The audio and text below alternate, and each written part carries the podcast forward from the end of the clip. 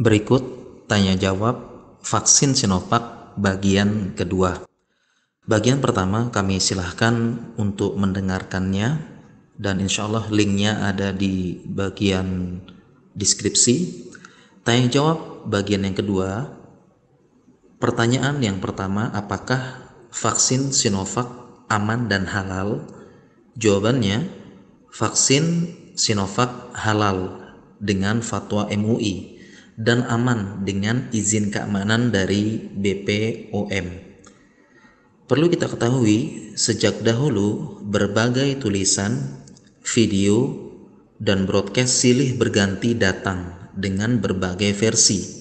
Ada yang bawa-bawa agama, ada yang mencatut nama ilmuwan, dan ada yang mengaku-ngaku ilmuwan, menyebar di WhatsApp, sosmed yang intinya mengatakan vaksin COVID haram dan bahaya karena mengandung ini dan itu. Alhamdulillah ini terbukti tidak benar dengan adanya fatwa halal MUI dan izin keamanan dari BPOM. Pertanyaan yang kedua, lalu mengapa masih ada yang menolak? Jawabannya, kita serahkan saja pada ahlinya. Kita percaya dengan profesional BPOM dan amanah agama dari MUI. Dan tidak mungkin rasanya para ustadz di MUI mengkhianati agama mereka. Kalau kita tidak percaya lagi kepada ahlinya, lalu kita percaya kepada siapa? Kemudian kalau kita berbicara masalah keamanan, banyak yang membandingkan Sinovac dengan Pfizer. Kenapa sih nggak Pfizer? Jawabannya, kalau kita melihat dalam sisi yang lain, vaksin Sinovac ini merupakan vaksin inaktif, yaitu menggunakan vaksin yang sudah tidak aktif atau sudah dimatikan, bukan sekedar vaksin yang dari virus yang dilemahkan, sehingga dijamin ya, virus tidak akan menginfeksi tubuh lagi karena sudah dimatikan. Ini teknologi yang sudah dipakai berpuluh-puluh tahun dan banyak vaksin lainnya menggunakan metode ini dan sudah terbukti lebih aman dibandingkan Pfizer yang menggunakan teknologi baru yaitu mRNA vaksin. Sehingga secara efek jangka panjang vaksin Sinovac secara teori lebih baik dan lebih teruji. Pertanyaan yang ketiga, Kenapa sih pesan vaksin Sinovac Cina? Banyak yang meragukan produk Cina dalam tanda kutip. Belum lagi ada oknum yang membawa-bawa agama Cina itu kan negara komunis yang ingin menghancurkan Islam. Jawabannya tentu tidak benar. Mengapa memilih vaksin Sinovac? Sudah kami jelaskan pada video sebelumnya terkait dengan penyimpanannya. Sebagai informasi tambahan, beberapa negara lain juga memesan vaksin dari Cina untuk memenuhi target penduduk dan variasi vaksin di negara mereka. Negara Cina sendiri sudah memakai vaksin Sinovac yang pertama kali.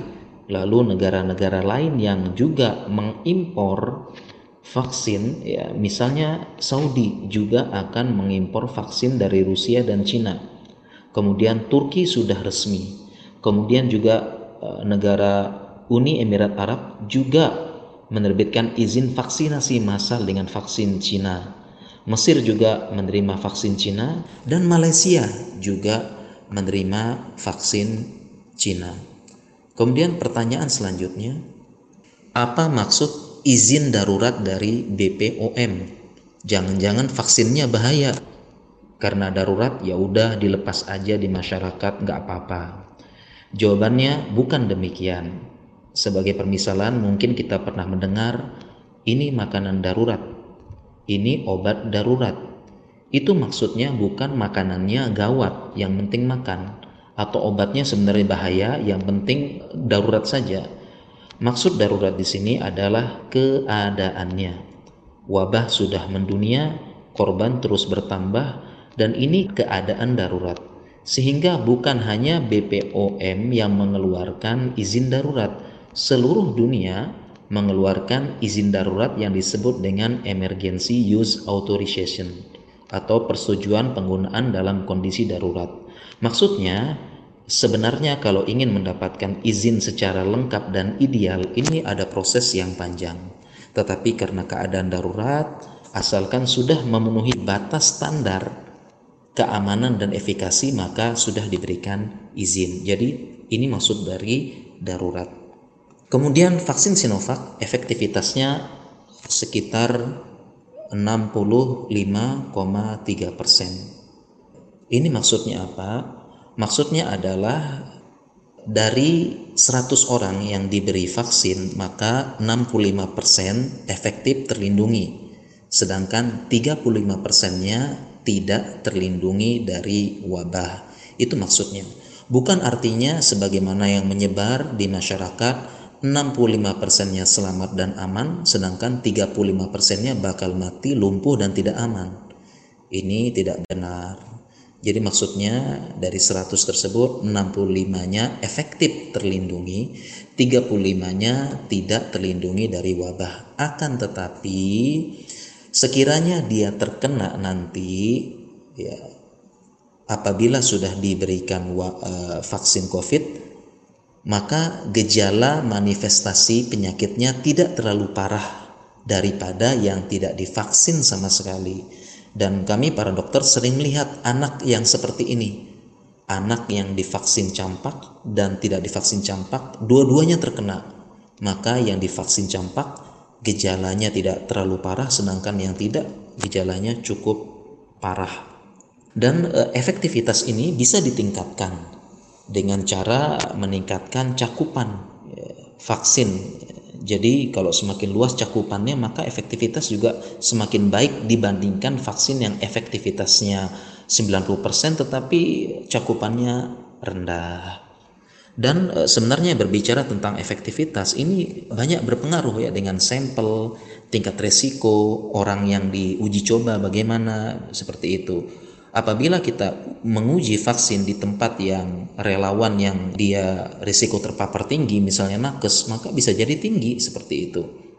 Kemudian pertanyaan selanjutnya ada berita viral yang menyatakan bahwa WHO mengatakan vaksin tidak bisa menghilangkan wabah COVID secara total.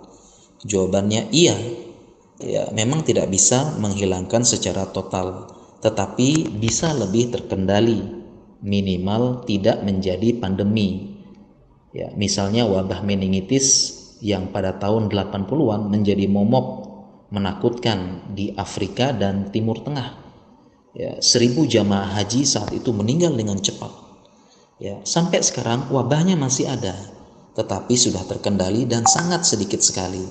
Itulah kenapa pemerintah Saudi sampai sekarang masih mewajibkan Eh, vaksin meningitis bagi jamaah haji dan umroh ini diwajibkan loh ya bahkan ini wajib dipaksa kemudian pertanyaan selanjutnya apa efek sampingnya dari vaksin Sinovac ini? Ya jawabannya perlu diketahui setiap obat dan produk pasti ada efek sampingnya. Hanya saja ini pada beberapa orang saja tidak semuanya. Hanya sebagian kecil saja. Bisa jadi ini terkait dengan respon tubuh alergi pada orang yang e, sedikit tadi yang berbeda-beda. Misalnya obat ringan saja dalam tanda kutip seperti paracetamol ini ada efek sampingnya. Tapi tidak semua orang kena efek sampingnya. Dan perlu diketahui respon tubuh alergi tidak diketahui kecuali setelah dicoba pertama kali. Misalnya makan terasi kita tidak tahu apakah orang ini alergi terasi atau tidak sampai dia mencoba makan terasi. Demikian juga vaksin, ya, kita tidak tahu. Tetapi semua efek samping ini sudah diteliti dan ada penanganannya. Misalnya efek samping Sinovac seperti nyeri, iritasi, bengkak, demam, dan sebagainya. Dan ini bukti bahwasanya ilmuwan itu amanah tidak ada yang disembunyikan berupa bahan-bahannya, efektivitasnya 60 sekian persen, disampaikan apa adanya, tidak terpengaruh dengan efektivitas di Turki 90, akhirnya di karang-karang, tidak, disampaikan apa adanya. Ini bukti ilmuwan itu amanah. Lalu pertanyaan selanjutnya, bagaimana kalau terjadi KIPI? Siapa yang bertanggung jawab ya kejadian ikutan pasca imunisasi? Jawabannya Tadi kita sudah jelaskan tentang efek samping dan reaksi KIPI ini terjadi hanya sebagian kecil saja orang. Apabila terjadi, segera kelayanan masyarakat terdekat seperti puskesmas, rumah sakit, tempat menyuntik. Segera melapor ya. Jadi bukan melapor ke sosial media, lapor ke rumah sakit, puskesmas, ya dan akan segera ditangani, ditangani dan ada alur dan SOP yang jelas pelaporan KIPI oleh tenaga kesehatan ke pemerintah dan akan ditanggung jawab penuh oleh pemerintah dan dinas kesehatan. Kemudian pertanyaan selanjutnya, bagaimana dengan denda? Katanya ada hukuman bagi yang tidak divaksin. Jawabannya sebenarnya memang ya kita, saya sesama rakyat tidak boleh memaksa. Ini urusan pemerintah tapi sebagai informasi, semua negara dan berbagai negara maju terkait dengan program imunisasi dan vaksin ya, ini memang ada hukumannya dan mereka tegas, benar-benar tegas.